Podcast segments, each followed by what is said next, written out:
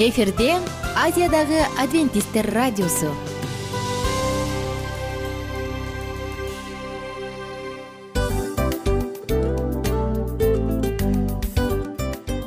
Достор салют.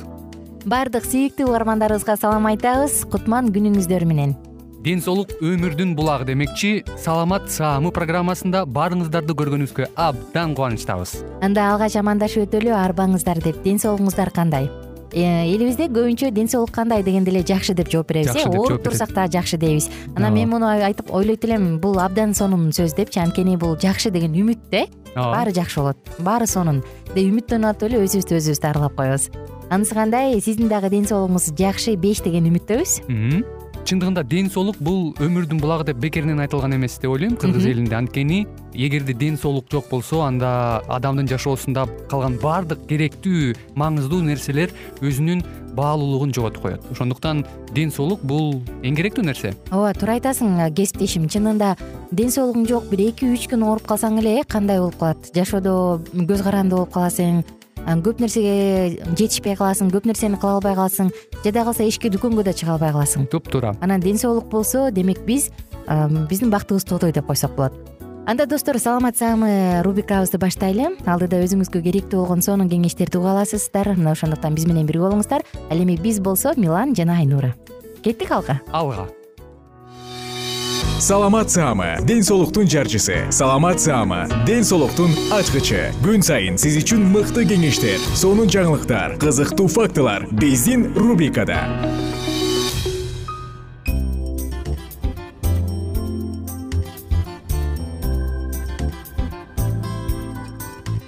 кутман күнүңүздөр менен достор. Жалпы угармандарыбызга сагынычтуу салам айтабыз. Аты жөнүм мен айнура миназарова. Кайрадан кызмат өтүп жатканыма кубанычтамын жана бүгүнкү тема мээни физикалык таасирлерден коргоо. Мунун экинчи бөлүмүнө өтөбүз. Мурунку уктурууда эсиңизде болсо айтып өткөнбүз э мээни колдон келишинче ар кандай физикалык таасирлерден коргош керек деп. Бир аз урунуп аласызбы? Бир нерсе сүзүп алдыңызбы? Жыгылып кеттиңизби? Кудай сактасын авария болдуңузбу эч нерсе эч жер көгөрбөгөнү менен баары жакшы болуп турганы менен бирок баары бир деле абайлаш керек деп айтканбыз. Дүйнөдө күн жыл сайын он миң адам мээси чайкалып турат. Алардын он миң адамдан эки жүз адам элестетиңиз бул тенденция өсүүдө деп айтканбыз. Анан мурунку уктурууда айткандай бокс менен машыккандар футболисттер эртерээк өздөрүнүн тең тайлаш курбуларына досторуна караганда эртерээк эс тутумун эс тутуусун жоготуп коюшу мүмкүн дегенбиз. Мына ошондуктан кандай гана учур болбосун бирок баары бир сактанып алдын ала карап жүргөн жакшы. Эми достор бүгүн сиздер менен андан ары уланталы эгерде сиз мээ чайкалуу деген учурга келип сотрясение деп коет эмеспизби дал ушундай мээ чайкалып калган болсо анда эки жумага үй жумуштарын ар кандай физикалык нагрузкалардын баардыгын унутуп коюңуз рульга олтурууга шашпаңыз. Бул дагы сиздин абалыңызды оорлотуп коюшу мүмкүн эгерде сиз орто же оор абалда болуп доктурга жатып калган болсоңуз анда албетте доктур сизге рекомендация берет. А бирок доктурга жатпай эле бат эле чыга турган болсоңуз анда абайлаңыз. Эгерде оор жаракат алсаңыз анда неврологдун учетунда сиз бир жылга чейин учетто турушуңуз керек. Бир жыл ичинде ал сизди карап көзүңүздү көзүңүздүн каректерин карайт өзүңүздүн кандай абалыңызды улам сурап байкап анан керектүү дарыларды жазып керектүү рекомендацияны айтып турат колдон келишинче электромагниттик талаалардан качканга аракет кылыш керек. Даниядагы изилдөөлөрдүн бири мындай укмуштуу көрсөткүчтү көрсөткөн. Электриктер кадимки эле дайыма электр полясында электромагниттик талааларда жүргөн электриктер карыган кезде эртерээк эс тутумунан ажырап калышы мүмкүн дейт. Биздин баягы төмөнкү жыштыктагы элүү герц болгон электромагниттик талаалар бар эмеспи мына андан жогору боло турган жака барбай эле койгон жакшы. Өзгөчө талааларды байкасаң э эң чоң столболор калың зымдар илинген анан алардын жанында дайыма деп укмуштуу бир электромагниттик талаа болуп турат эмеспи. Мына ан жактан барбай эле койгон жакшы. Колуңуздан келишинче трансформаторлордун жанына барбаңыз электрокыймылдачтарга жана башка механизмдердин жанына барбаңыз. Кандай болбосун ал жакта төмөнкү жыштыктагы электромагниттик талаа болгон болбосун бирок баары бир алар сиздин мээңизге терс таасирин тийгизет. Баланын ойнойм деген каалоосу жакшы машыгам дегени жакшы бирок эмне менен? Ал ага өзүнө кайра зыян туудурбайбы мына ушунун баардыгын да караган жакшы. Жыйырма биринчи кылымдагы эң эле чоң көйгөйлөрдүн бири жетишкендик дейбизби же көйгөй дейбизби? Айтор кимдир бирөө үчүн көйгөй кимдир бирөө үчүн жетишкендик кимдир бирөө үчүн жардамчы? Мобилдик телефондор жөнүндө айтсак. Мобилдик телефондор менен дагы абайлаңыз азыркы күндө мобилдик телефон мээдеги шишикти пайда кылат деген талаш суроолор болуп жатпайбы. Ооба бул изилдөө толугу менен тастыкталып бүтө элек бирок ошентсе дагы мобилдик телефондорду көп колдонбоңуз. Кайсы бир адамдар айтат жок андай эмес деп. Кимдир бирөө айтат ооба ушундай деп. Бирок негизгиси ал сиздин ден соолугуңузга сөзсүз сөзсүз таасирин тийгизет. Телефондон менен көпкө сүйлөшпөңүз. Он мүнөттөн ашпай эле койгону жакшы өзгөчө кичинекей балдар телефондону кечке сүйлөшүп же аны чукулабай эле койгону жакшы.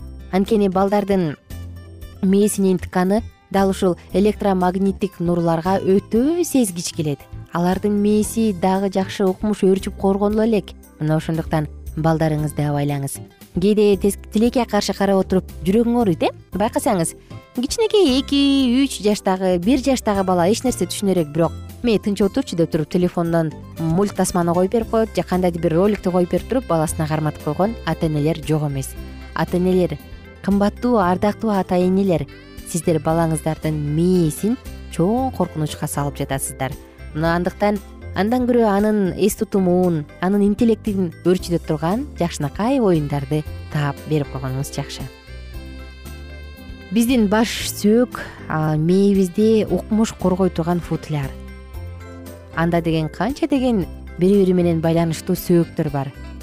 Анда чеки жактагы кара куш жактагы жана башка укмуш сегиз сөөк менен биздин мээ корголгон.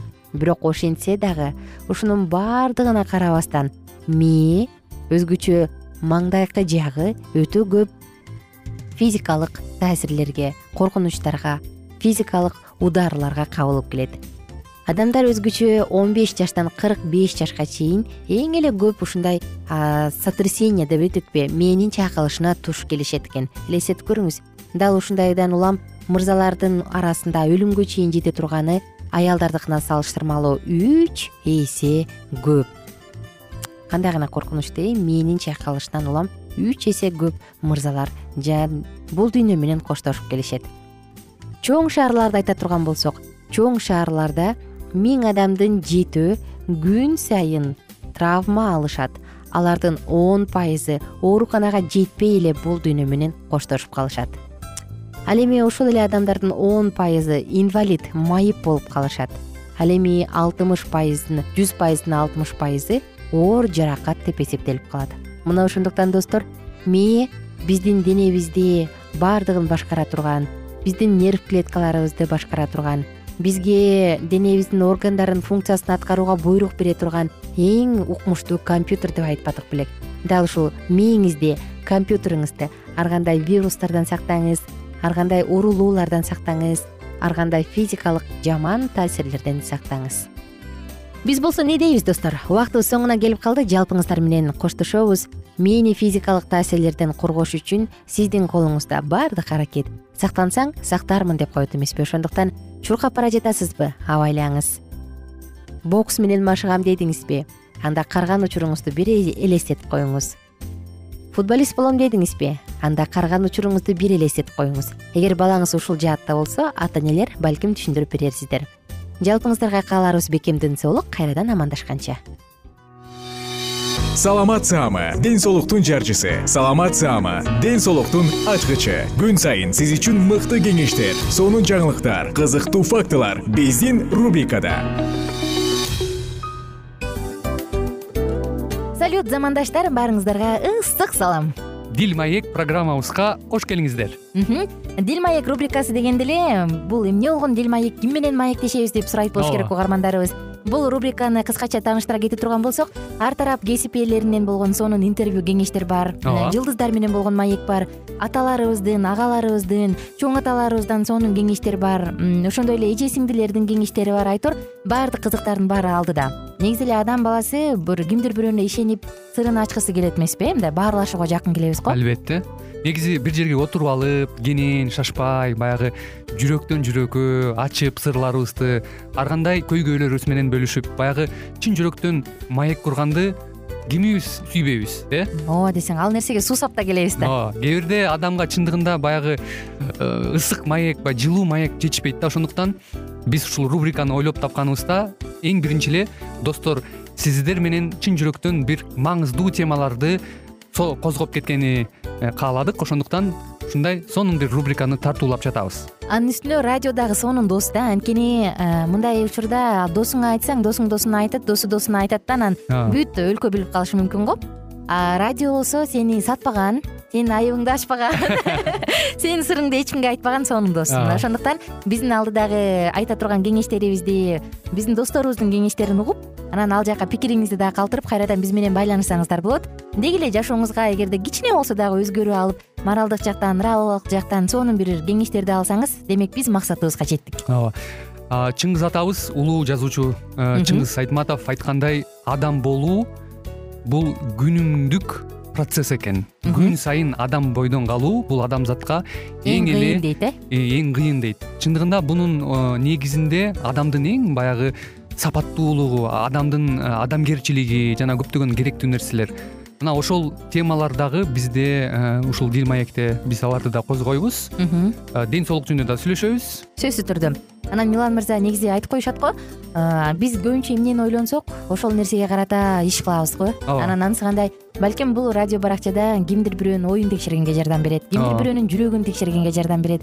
Балким кимдир бирөөгө жашоонун маңызын тапканга жардам берет айтор кызыктын баары алдыда бул жөн гана кыскача жарнама анда угармандарыбыздын баардыгын кийинки рубрикабызга чакырабыз. Ал эми кызматта маңдайымда отурган кесиптешим милан жана мен айнура. Анда эмесе биз даярдаган терең терең ойлор менен таанышууга кеттик. Алыс алыс баралык. Анда эмесе достор биз менен бирге болуңуздар. Алдыда эң кызыктуу маалыматтардын баардыгы бир нече мүнөттөр бою жалгыз гана сизге арналат мына ошондуктан жакшы маанай менен угууну каалайбыз. Үн алышканча. Жөнөдүк.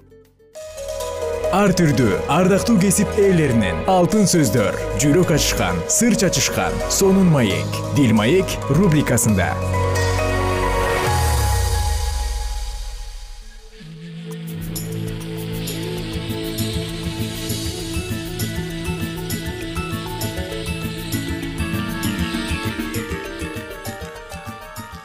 саламатсыздарбы урматтуу угармандарыбыз? Кайрадан эле сиздердин назарыңыздарда кыргызстанга саякат аттуу берүүбүздү баштамакчыбыз. Бүгүнкү уктуруубузда кайсыл жака сапар тартып саякатка чыгам деп турган болсоңуз анда биз кыргызстаныбыз дегенде эле ала тоону элестетет эмеспизби. Андыктан кыргызстан ала тоосунда орун алган жеңиш чокусу туурасында бүгүн сөз кылабыз. Биздин толкундан алыстабай биз менен биргеликте болуңуз кыргызстан туризмди жана эс алууну эл аралык деңгээлде өнүктүрүү үчүн табигый тарыхый жана маданий жактан өтө чоң мүмкүнчүлүктөргө ээ. Ал жөнүндө чет өлкөлүк эксперттер мындай дейт. Табигый жана маданий белгилери кереметтүү айкалышкан кыргызстан сыяктуу өлкөлөр жер жүзүндө саналуу. Мындай дүйнөдөгү тоолуу жерлердин ичинен эң ажайып кооздукту көрүүгө болот. Ошондой эле кыргызстаныбыз бийик тоолуу өлкө деп аталат аймагынын токсон пайыздан ашуусу деңиз деңгээлинен миң метр бийиктикте жайгашкан. Гималай менен памирден кийинки дүйнөдөгү эң бийик тоо чокулары кыргызстанда алар жеңиш чокусу бийиктиги жети миң төрт жүз отуз тогуз метр ленин чокусу жети миң жүз отуз төрт метр хан теңири чокусу алты миң тогуз жүз токсон беш метр жана башка чокулар бар дүйнөдөгү ири тоо мөңгүлөрүнө кирген эңилчек түштүк эңилчек мөңгүсү да бар. Улуу жымжырттыкка мемиреген кар мөңгүлүү залкар тоо тилкесинен көк шиберлүү альп субальп карагай арча жаңгак мөмө жемиштүү токойлуу шалбалуу талаадан чөлдөргө чейинки ландшафттар кездешет алардын ичинде бийик тоолордун арасында жайгашкан суу самыр өрөөнүндөгү боз үйлөр тигилген көк шиберлүү жайлоолор кымыз жыттуу үйүр үйүр жылкы асыл тукум кой кой жайылган жайыттары айланасы ажайып кооз балыкка бай тоо көлдөрү туристтерди эс алуучуларды дайыма өзүнө тартат. Кыргыз жергесинде эки миңден ашуун тоо көлү бар жайында салкын кышында жылуу тоңбогон ысык көл бар. Сууга түшүү маалы кээде ноябрь айына чейин созулат. Суунун температурасы жайында жыйырма төрт градус цельсийге чейин жетет. Кышында төрт градус цельсийге чейин жылуу. Ысык көл алтын кумдуу пляждары минералдуу булактар. Кошулган суусу тунук тоо деңиз климаты айкалышкан дары баткактуу тер минералдуу суулары бар эң сонун курорттуу чөлкөм. Кыргызстан улуу жибек жолуна байланыштуу дагы туристтерди өзүнө тартат.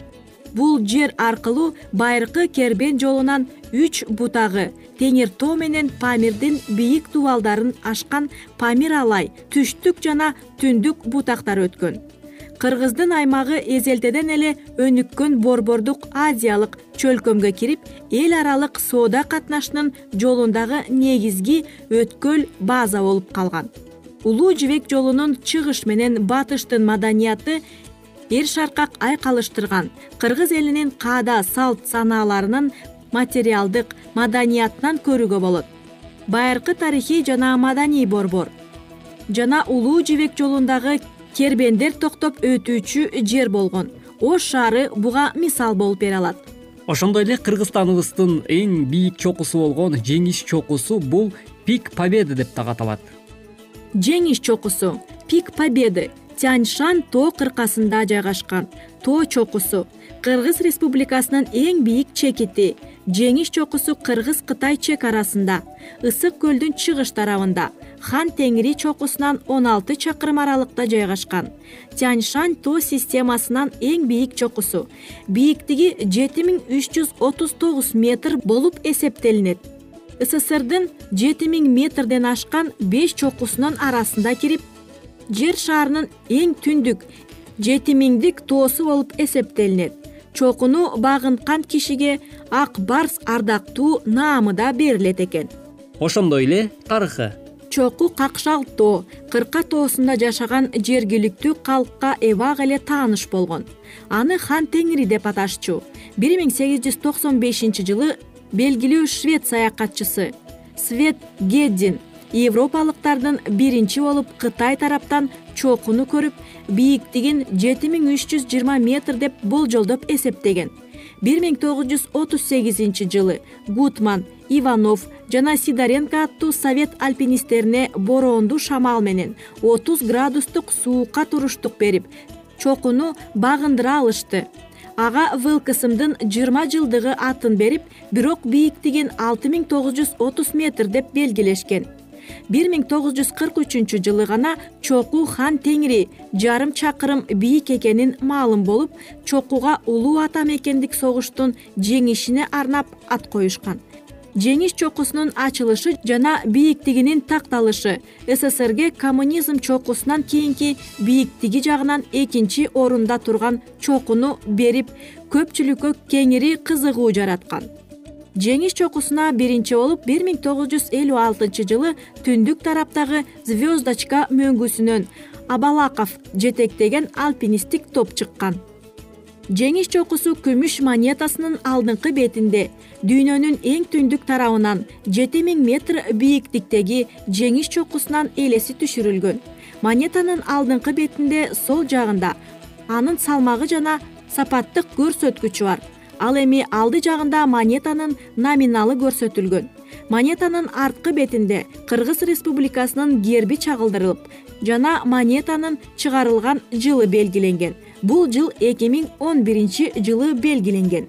Мына ошентип кымбаттуу угармандарыбыз бүгүнкү уктуруубуздун чыгарылышында дагы сиздер дал ошол кыргызстаныбыздын ала тоо аймагында орун алган жеңиш чокусу туурасындагы маалыматка ээ боло алдыңыздар ар бир кыргыз эли бүгүнкү учурда дал ошол асман тиреген бийик асказоолуу ала тообуз менен сыймыктанып келет эмеспизби. Ар дайым кыргыз мекенибизде тынчтык болсун деген тилек менен бүгүнкү программабызды жыйынтыктайбыз ал эми сиздер биздин бүгүнкү уктуруубузга назар салганыңыздар үчүн ыраазычылык билгизүү менен кийинки берүүдөн кезиккенче сак саламатта болуңуз.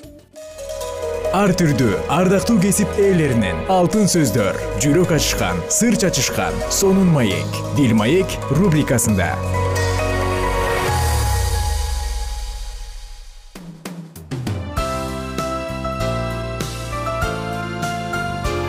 эфирде азиядагы адвентисттер радиосу.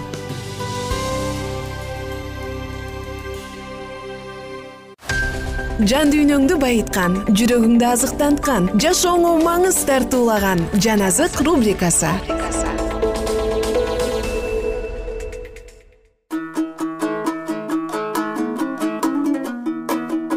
салам достор. Баардык угармандарыбызга ысык салам айтабыз. Кайрадан сиздер менен кызматта мен айнура миназарова достор бүгүнкү күнүңүздөр көңүлдүү өтүп жатат деген үмүттөмүн. Дагы да көңүлдүү өтүшүнө тилектешмин. Жана баардыгыңыздарды улуу күрөш китебин биз менен бирге улантууга чакырам. Эмесе алдыга жөнөдүк. Ал ар дайым кудай элин басып алууну каалап аларды бул дүйнөдөн бөлүп турган тоскоолдуктарды талкалоодо.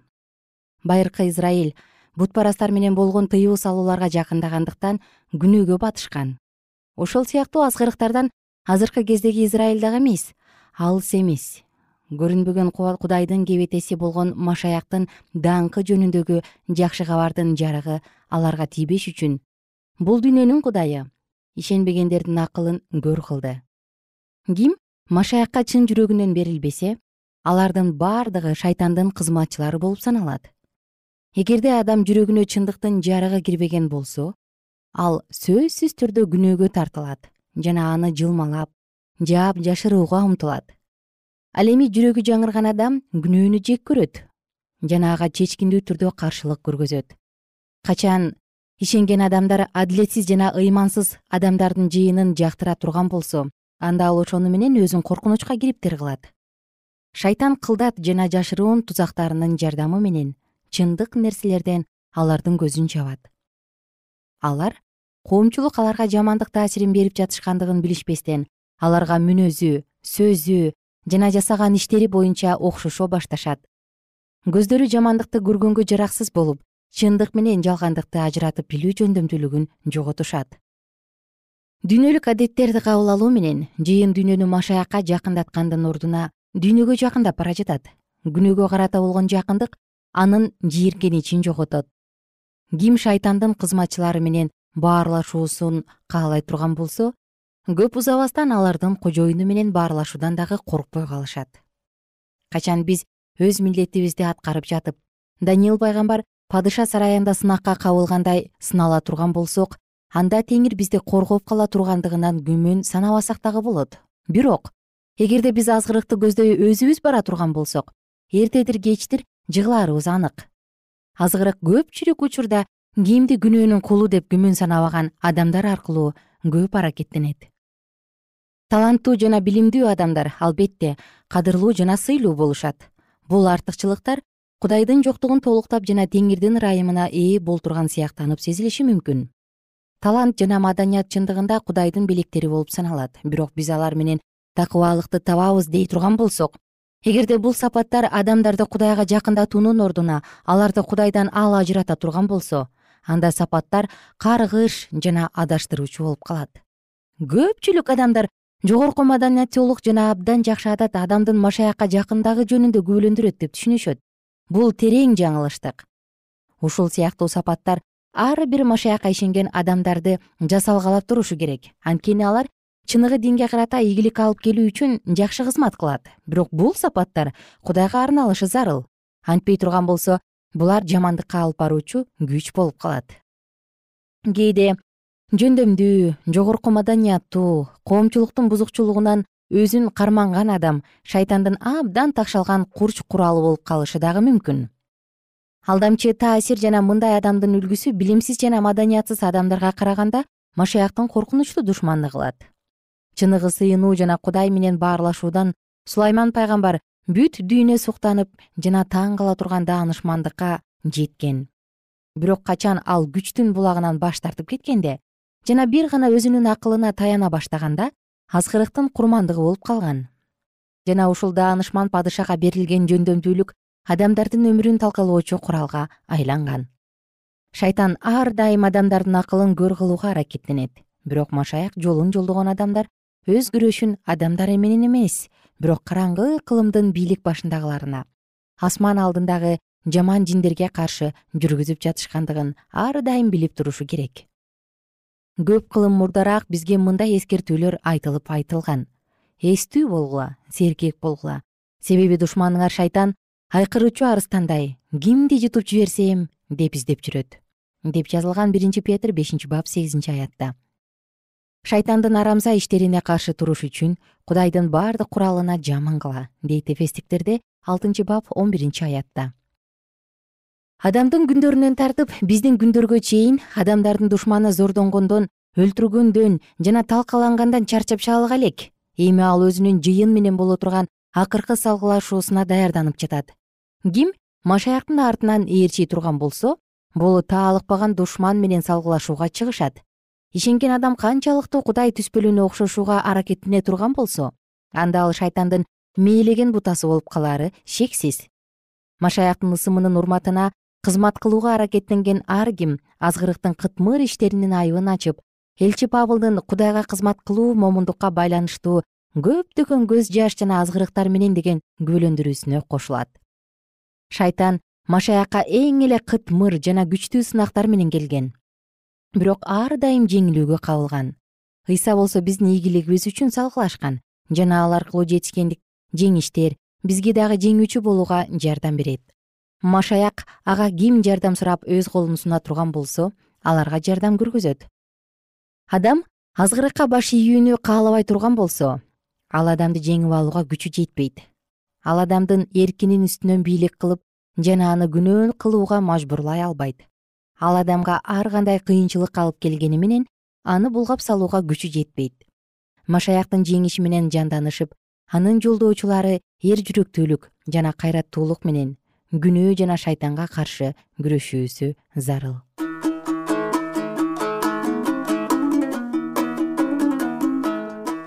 Кымбаттуу досум кымбаттуу замандаш жана кадырлуу угарман жалпыңыздар менен бүгүн дагы улуу күрөш китебинин отузунчу бабынан эң эле кызыктуу маанилүү сөздөрдү окуп өттүк. Жашооңузда болуп жаткан нерсе кээде жөнөкөй гана сезилиши мүмкүн бирок ишениңиз дайыма сыноонун артынан ийгилик жеңиш тургарын унутпаңыз. Жана сизге кааларыбыз бүгүнкү күн эң сонун маанайда өтө берсин. Күнүңүздөр көңүлдүү улансын маанайыңыз эч качан чөкпөсүн. Жаныңызда дайыма сизди жадырап курчаган жакындарыңыз аман болушсун кайрадан жалпыңыздар менен амандашканча күнүңүздөр мыкты маанайда улана берсин. Баарыңыздарды кийинки уктуруудан күтөм.